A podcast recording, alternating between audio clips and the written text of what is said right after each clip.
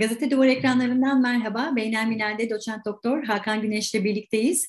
Rusya-ABD ilişkilerini ve masadaki senaryoları konuşacağız ama öncesinde Türkiye gündemini de kısaca bir değerlendireceğiz. Hakan Hocam hoş geldiniz. Nasılsınız? Hoş bulduk. Fena değil. Ee, karkış kıyamet ama olaylar devam ediyor dünyada. Dolayısıyla biz de konuşacağız. Evet.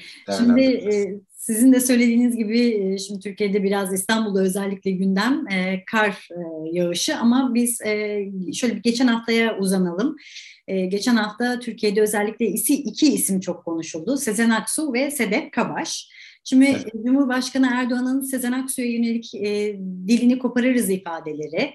E, öte yandan e, Sedef Kabaş'ın, gazeteci Sedef Kabaş'ın Cumhurbaşkanı'na hakaret ettiği gerekçesiyle tutuklanması. Şimdi ABD Dışişleri Bakanlığı Sözcüsü e, Ned Price'ın bu anlamda bir açıklaması oldu. Sedef Kabaş'ın tutuklanmasına ilişkin hayal kırıklığına uğradık dedi. Hocam şimdi uluslararası çerçeveden bir bakacak olursak, bu yaşanan iki olay Türkiye'nin insan hakları karnesine nasıl yansıyacak ve bundan sonraki süreçte uluslararası arenada nasıl karşılık bulacak? Evet. Bir kere yani e, artık böyle on binlerle ifade edilen e, davalar söz konusu olduğu için e, soruşturmalar zaten daha da fazla. Dolayısıyla bu karne zaten çok uzun süredir artık böyle sıfırlarla dolu bir vaziyette. Ayrıca bir yük nasıl getirecek bilmiyoruz. Şimdi bu tabii ama bir insan hakları karnesinden daha fazla aslında iç siyasetle çok ilgili bir konu. Çünkü ekonominin yani ekonomik krizin insanların iliklerine kadar hissettiği bir aşamada baskı aygıtlarını devreye sokma kararı almış durumda hükümet. Bu zaten beklenen bir şeydi. İşte o gün geldi. Onlardan bir tanesi bu. Yani seçime giderken Suriye'de yeni bir operasyon mu olur? Hiç aklımıza gelmeyen bir başka bölgede yine bir dış askeri harekatlanma mı olur? Yahut işte böyle bir iç gerilim e, hatta bazıları iç savaş falan diyor tabii öyle bir şeyler hani e, çok e, iddialı şeyler olur ama bir takım çatışmalar, provokasyonlar mı olur diyorduk. İşte başladı. Ne başladı? Ee, insanların e, efendim terörize edilmesi için yani baskılanması için bir bir kampanya başladı. Belki buna aslında şöyle diyebiliriz. Bu ben düşündüm bugün yani bu soru gelir diye biliyordum ve dedim ki buna, buna bir ad verebilir miyiz? Şöyle düşünün. Galiba buna bakara makara stratejisi diyebiliriz. Neden? Çünkü bu Egemen Bağış'ın şimdi Büyükelçi biliyorsunuz Prag'da atandı. Yani orada söylediği gibi atarız ortaya bir bakara makara. Yani herhangi bir şey olduğunda bu ülkede deriz ki ya Kur'an'da nastır. Yahut CHP camilere e, ne yaptı o CHP camilere e, efendim şey yaptı ahır at bağladı. Camileri ahır yaptı. Yani e, bir bakara makara atarız ortaya. Ondan sonra diğer sorunları gölgeleriz. Şimdi dolayısıyla e, tam olarak bir yönetme stratejisi bu ve bunu 19-20 yıldır yapıyor. Açıkçası da çok başarılı. Bu başarı tabii özel bir zeka gerektirmiyor. Tam olarak aslında deneme yanılmayla tecrübe edilmiş bir başarı hikayesi. Ne demek bu? Herhangi bir kırılma anında ciddi bir ekonomik e, performansın sorgulandığı durumda yurttaşların gerçek sorunları olduğu gibi e, dini karıştırmadan sorguladıkları bir anda hemen bir dini referanslı konu gündeme getirmek. Bu konuda e, bunca yılda çok e, yol aldılar ama eskisi kadar etkili olur mu? İşte hem toplumsal muhalefet e, bu konuda e, ciddi bir e, direnç sergiliyor hem de genç muhafazakar ailelerin genç bireyleri artık bunları bunları e, eskisi gibi almıyor, yemiyor bunları. Böyle özetleyebilirim. Yani bu bir e, bakara makara stratejisi e, e, yine devreye e, sokulmuş durumda. Tabii ki konu ciddi. Yani gündem değiştirme falan filan olsa bile ciddi konular ve evet e, tek iyi şey belki Türkiye'deki toplumsal muhalefetin e, gerçek bir toplumsal muhalefet dinamikleri gösteriyor olması ve bunu öyle kolayca kabul edecek olmaması. Bu çok önemli. Şimdi bir gündem değiştirme tartışmasını yalnız şöyle anlamamak lazım. E, aslında böyle e, insan hakları ile ilgili, e, ifade hürriyeti ile ilgili sorun yok da konuyu buraya hani şey yapmak istiyor, çekmek istiyor değil. Evet. Türkiye'de ekonomik problemler ve özgürlük problemleri bir arada her ikisi de var ama ekonomik problemler e, AKP'nin canını çok e, yakan e, durumda. Dolayısıyla makası buradan kültürel ayrışma, kutuplaştırma yapabileceği yıllardır tecrübe ettiği bir alana yani makara bakara konusuna getirmeye çalışıyorlar yine. Evet. Hocam peki buradan ABD-Rusya gerginliğine uzanalım. Çünkü geçen hafta bir dizi diplomatik hareketlilik yaşandı. Evet. E, tansiyon da hala çok düşmüş gibi gözükmüyor. ABD'den Ukrayna'ya 80 tonluk bir silah sevkiyatı oldu. Şöyle kısaca bir gündemi toparlayacak olursak ben de biraz e, o noktada özet geçeyim. E, şimdi ABD'nin Ukrayna'ya 80 tonluk e, silah sevkiyatı yapması Ukrayna Savunma Bakanlığı tarafından da e, doğrulandı ve hatta şu e, minvalde bir açıklama yapıldı. Devamı gelecek e, dendi. Şimdi Rusya'nın Ukrayna'ya saldırma hazır e, hazırlığında ki iddiasını ısrarla sürdüren bir e, ABD var karşımızda. Ama öte yandan Britanya'da Kiev'deki Büyükelçiliğindeki personellerini ülkeyi terk edin çağrısında bulundu. Şimdi bu noktada tek bir soru var hocam akıllarda. Savaş mı çıkacak? Nasıl yorumlarsınız? Evet, şimdi biz aşağı yukarı Aralık, Kasım, Ocak yani 3 aydır bu konuyu konuşuyoruz. Evet. 2014'ten beri yoğun konuşuyoruz. Tabii 2005'ten beridir de gündem. Yani Ukrayna konusu e, bir kriz konusu olarak gündemde e, ciddi bir konu. Son 3 aydır ise ancak yeni bir dönem e, eşliğinde konuşuyoruz. Biden'ın aktif anti-Rus kampanyasıyla beraber gelir gelmez yani görevi devralması senenin başında olduğu efendim 2021'in ve Mart'ın 3'ünde ikisinde üçünde hemen bir bir ambargo pardon bir yaptırım paketi uyguladı Katsa çerçevesinde Rusya'ya ve hatırlayalım o günlerde şunu konuştuk. Katil Putin bu ifadeyi kullanma noktasına. Şimdi aslında o günden bu yana çok sert bir Rusya politikası var. ABD'nin Orta Doğu'dan çekilirken, Taliban'la uzlaşma yaparken yani efendime söyleyeyim e, Rusya'yı dünyanın en büyük canavarı olarak resmetmesinin altında bir takım nedenler var. Bunu Biden daha seçim kampanyasında e, ifade ediyordu. En az üç tane konu var. Bir tanesi Afganistan'da Amerikan askerlerinin e, öldürülmesi karşısında Taliban'a şey verdiği, ödül verdiği iddiasıydı. İkincisi e, Amerika'da, Alabama'da ve başka yerlerde siber saldırılardı. Güneş panellerinin patlatılması yolu, yoluyla. E, bunun arkasında Rusya olduğu ama en önemlisine gelelim. En son onu sakladım. Nedir o? Seçimlere müdahale. Yani bizzat Biden'ın karşısında şöyle düşünün. Sosyal medya aracılığıyla yani ne demek seçimlere müdahale? Sandıktan o çalacak hali yok. Fakat sosyal medya aracılığıyla siz eğer aşağı yukarı yani yüzde 0.3 öyle yüzde 5-10 falan da değil 0.3-0.5 oranında kritik eyaletlerde bir oy yönlendirmesi için kampanya yaparsanız e, bir takım araçlarla ha, işte orada bu egemenlik hakkının ihlali bir de özel olarak Biden'a Biden'a müdahale ediyor. Şimdi dolayısıyla bir bir kere böyle bir faktör olduğunu söyleyelim. Bunu da yani ben yorumlamıyorum. Bizzat kendisi ifade etti e, seçim kampanyası boyunca yani tabii bana etti falan diye değil ama ABD'ye egemenlik haklarımıza falan diye. Şimdi ortada bir tane böyle bir konu var ama e, bu süreci hızlandıran, gerilimi tırmandıran, e, söylemleri sertleştiren e, düzey. Asıl olarak, ne oluyor derseniz bence bugünlerde dikkatimizi yoğunlaştırmamız gereken nokta Almanya ve Fransa e, gibi Avrupa Birliği ülkelerinin daha yumuşak ve diplomatik e, bir çerçeveyle sorun çözme gayretlerini Biden'ın gelip elinin tersiyle itmiş olması. Ve bütün bölgeyi daha da fazla silahlandıran, daha çok ülkeyi NATO e, içine alan ve e, bir militarizasyonla bölgeyi bir savaş şeyine, çemberin içine sokan aslında Biden'ın bizzat kendisi bunu kaçırmamamız lazım.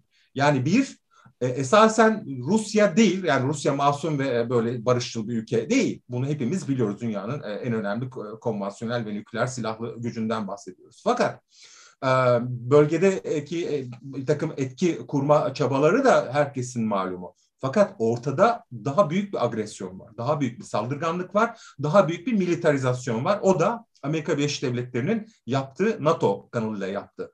Birinci nokta bu. İkinci nokta da bunu aslında sadece Rusya'ya karşı yapmıyor.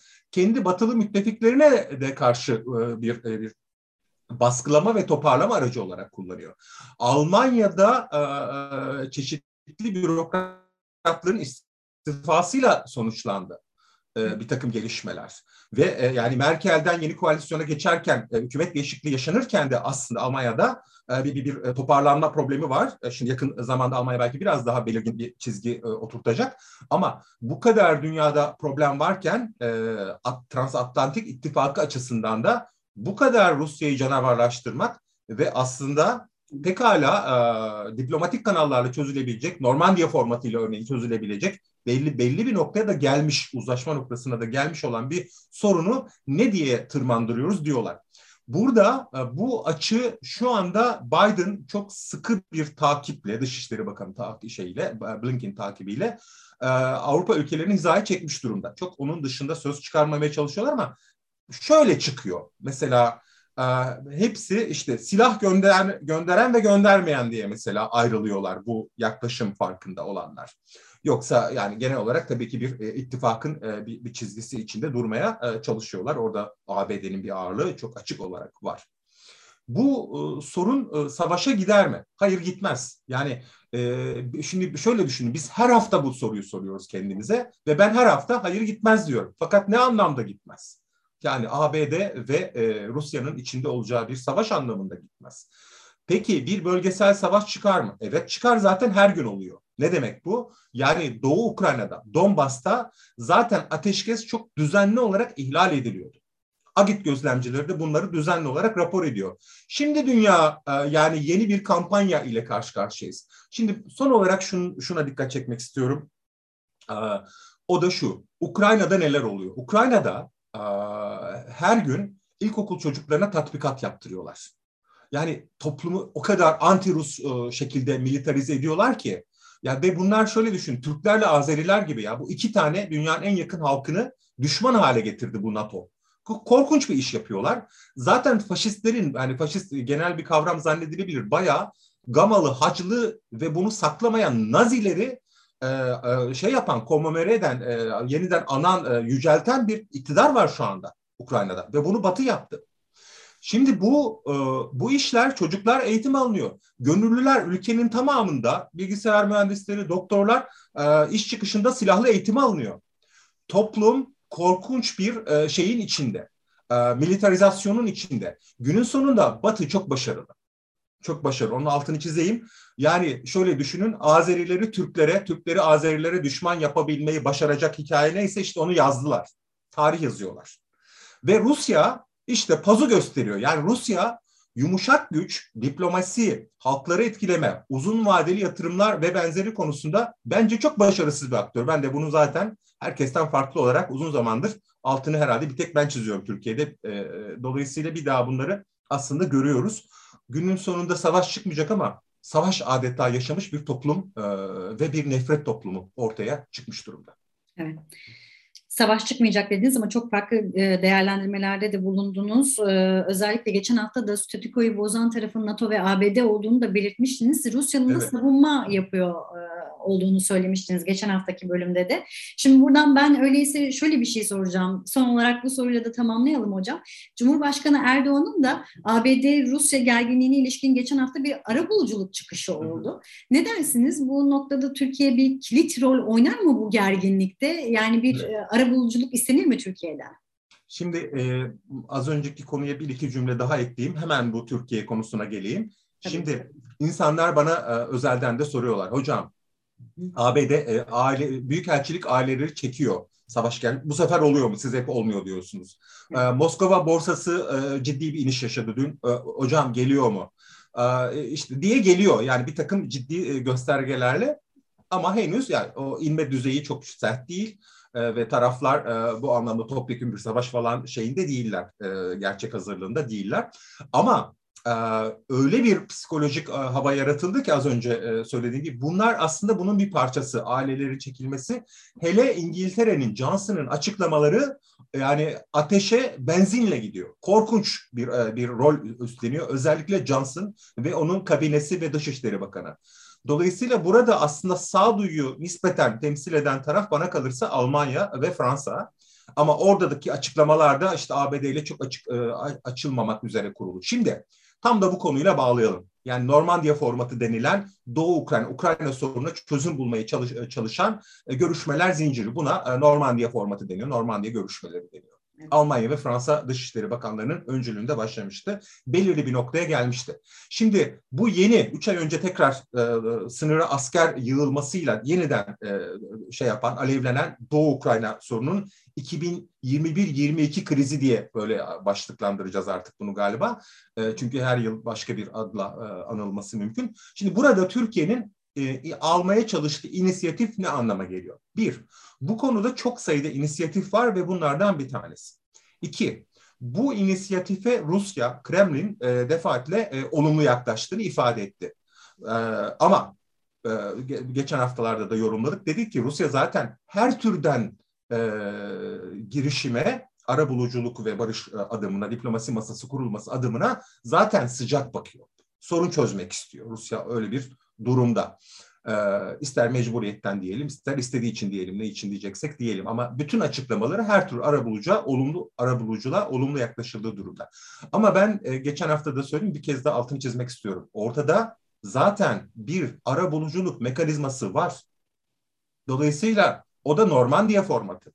Ve bu yol almış, kaç aşama geçilmiş, e, Doğu Ukrayna'da ne olacak? E, efendime söyleyeyim geçiş süreci nasıl olacak? Anayasaya ne yazılacak? Hangi taraf hangi adım atacak? Agit seçim gözlemcileri nasıl olacak? Bunlar ince ince konuşulmuş, belirli bir aşamaya gelinmiş. Tabii ki Biden'dan önce. Sonra elinin tersiyle Zelenski masayı devirdi. Kırım efendim Kırım'dan çekilmezlerse bu işi konuşmayız diye. Ya bir dakika, adım adım. Yani e, önce Doğu Ukrayna'yı çözelim. Demek ki ayrı ayrılık ayrılıp başka bir bölge değil. Rusya içinde buranın haklarını tanıyacaksın. Belirli bir özellik verilecek. Rus diline, Rus dili tamamen devre dışı. Herkes Rusça konuşuyor. Rusçayı yasaklamaya çalışan faşist bir zihniyet. Anayasa onu yazacaksın, anlaşacaksınız yani.